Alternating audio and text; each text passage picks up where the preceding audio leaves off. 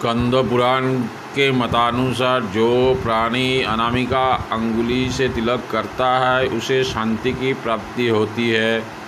मध्यमा अंगुली से तिलक करने पर आयु की वृद्धि होती है। अंगुष्ठ से तिलक करने पर तुष्टि की प्राप्ति होती है।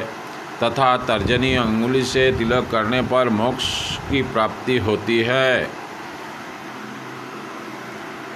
तिलकहीन ब्राह्मणों को नमस्कार करने का निषेध। यदि स्नात भवेद्रीप्रमस्तक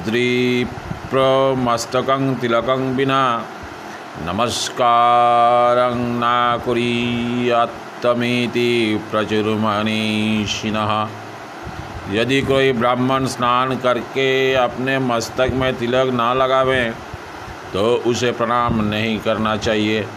ऐसे विद्वान पुरुषों का कहना है